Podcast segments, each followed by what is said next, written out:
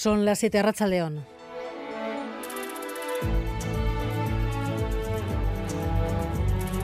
Gambara con Arancha García. Como de habitual es, como de fácil es que chavales de 14, 15 años acaben en un chat con contenido violento, pornográfico o de ultraderecha manejado por desconocidos. Gary Suárez. Tienes 19 años ahora mismo, pero nos dices que tú has llegado a estar dentro de uno de estos chats. Cuando yo tenía 14 años, en tercero de la ESO, me metieron en un grupo similar. No digo, entonces eh, yo hice lo que para mí me, me, pareció lo más sensato, salirme del grupo y listo. ¿Y esto en la juventud, eso, en tercero de la ESO y demás, es algo generalizado? Eh, ¿Era algo en lo que, que, mucha gente podía entrar, al igual que entraste tú? Es tan fácil como compartir un link. O sea, si yo hubiera querido mantenerme ahí y enviar un link a algún colega de clase, era tan fácil como hacer eso. No hay ningún tipo de dificultad. ¿Cuánta gente podía haber en esos grupos? En aquel 300 personas tranquilamente. Sí, en torno a unos 300. ¿Sabéis quién creaba esos grupos? ¿Quién pasaba los vídeos y demás? En mi caso fue un número extranjero, un más 59 o un algo así.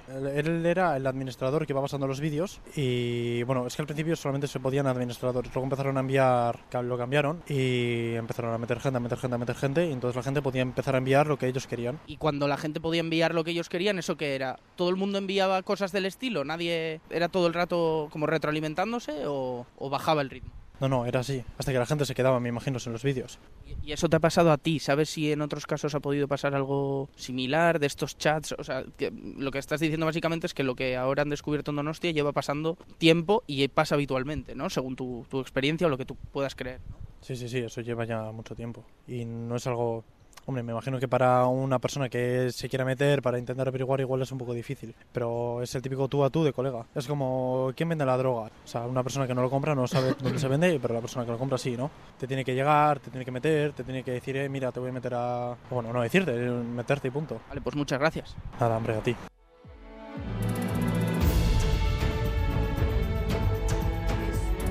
Esto cuando el chat descubierto ayer en el colegio Aldapeta de Donostia, más de mil chicos y chicas de al menos siete centros, David Beramendi. Sí, alumnos de al menos siete colegios de San Sebastián han entrado o recibido invitación para ingresar en los dos grupos de WhatsApp con contenido pornográfico, sexista, homófobo y que incluso lanza proclamas franquistas. Hablamos, como decías, de más de mil alumnos, la mayoría de entre 12 y 14 años. Son los colegios Aldapeta, Colegio Alemán, San Patricio, Jesuitas, Zurriola y Castola, Luberri y Herriamecha.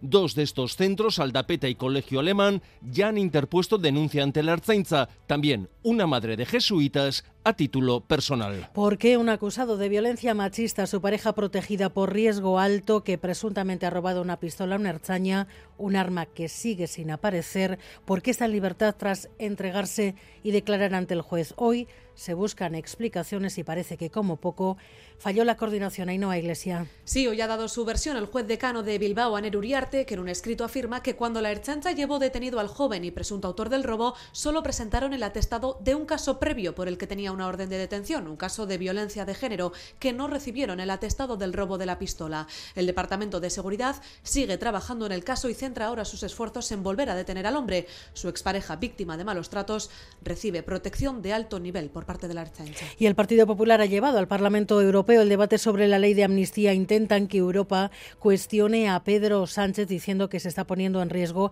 el Estado de Derecho. Abascal se ha presentado en Bruselas para estar presente también en este debate. La Comisión de momento no se entromete y lo deja en asunto interno Maya Portugal. Si el comisario de Justicia Didier Reinders no ha dicho nada concluyente hoy sobre la ley de amnistía en la Eurocámara, solo que la estudian con mucho cuidado. The Commission will carry out that analysis very carefully, independently and objectively.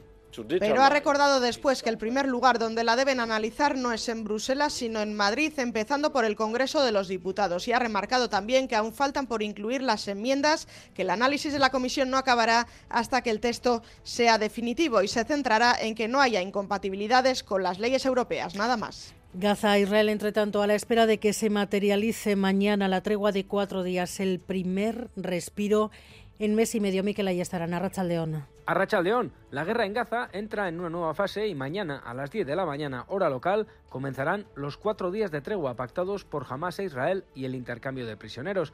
Las armas callarán por primera vez en la franja desde el 7 de octubre y por la tarde está previsto que comience la liberación del primer grupo de cautivos. En estos cuatro días de tregua, Hamas liberará al menos a 50 rehenes de nacionalidad israelí o doble nacionalidad, todos ellos mujeres y niños, y a cambio Israel pondrá en libertad a 150 presos palestinos, mujeres y menores.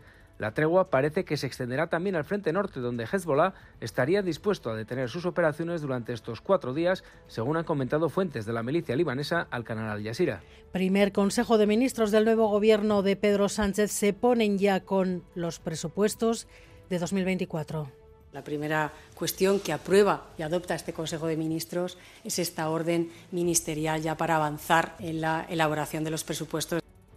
Gobierno, primer Consejo de Ministros con primer recado. En este caso de la COE sobre el salario mínimo. Proponen subirlo un 3% el año que viene hasta los 1.112 euros al mes, casi 100 euros menos de lo que piden los sindicatos, pero es la primera vez que la COE hace una propuesta en ese sentido, subir el salario mínimo y sumar. Ya es partido político en Euskadi y la formación ha informado a sus inscritos del registro de Sumar Mugimendua, vinculado al proyecto de Yolanda Díaz, aunque con autonomía. A las 8 entrevistaremos aquí en Gambara a Lander Martínez.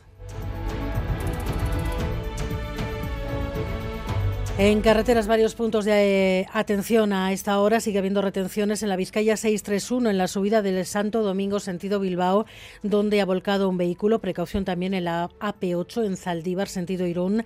Se está retirando un vehículo que se había salido de la calzada y dos vehículos más averiados. Una furgoneta está ocupando parte de un carril en la AP8 en Galdacao sentido Bilbao y un camión tráiler está ocupando el Arcén y un carril en la AP8 en Sornoza también sentido Bilbao. ¿Y los deportes? Edu García, Rachaldeón. ¿Qué tal, Rachaldeón? Mirando el baloncesto y al cierre de la fase de grupos de la FIBA Europe Cup para Bilbao Basket, desde las ocho y media jugará en la cancha del conjunto escocés el Caledonian, un partido que no tiene valor clasificatorio, puesto que el equipo de Ponsarnau ya es primero seguro en su grupo, estará en la siguiente fase, pero que sí es importante porque eh, viene de perder los últimos cinco encuentros consecutivos en la Liga CB Bilbao Basket, el último vez más de forma cruel, con una canasta sobre la bocina y desde casi 30 metros que le enchufó el Juventud el pasado fin de semana. Así que bueno será que ante este equipo al que se le ganó en Miribilla hace no demasiado por casi 50 puntos, se pueda asomar una victoria que actúe como bálsamo, digamos, en las filas de los hombres de negro de cara a lo que aún queda de competición, la segunda fase del torneo europeo y la ACB que vuelve el domingo para jugar contra Unicaja de Miribilla.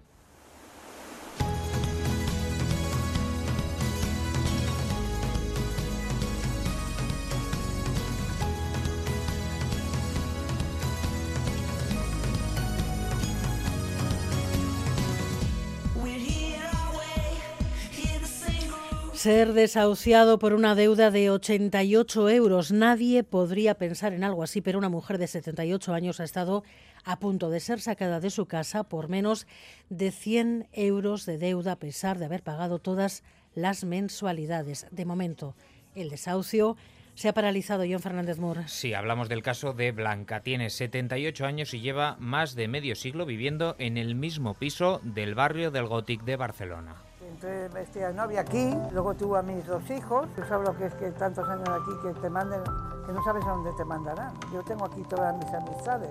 Contaba su caso en la televisión local BTV. La deuda se remonta años atrás por unas obras en el piso que según Blanca estaban mal hechas y que provocó esa reclamación extra de 88 euros. No pagó hasta que su abogado le conminó a hacerlo tarde, pero desde ese momento la propiedad ha intentado desahuciarla en más de una ocasión. Blanca tiene claro el motivo. Pago cada mes, que lo meto en el banco, pago 338. Pago poco y un turista aquí paga, no sé si son 1.000 euros, 900. Decenas de vecinos y activistas eh, se han concentrado en el portal para frenar el desahucio de Blanca, un desalojo que finalmente ha sido aplazado después de más de seis horas de negociación con la propiedad y la comitiva judicial a cambio de negociar un nuevo alquiler, eso sí, con los precios por las nubes. Este podría no ser el último episodio del intento de desahucio de Blanca.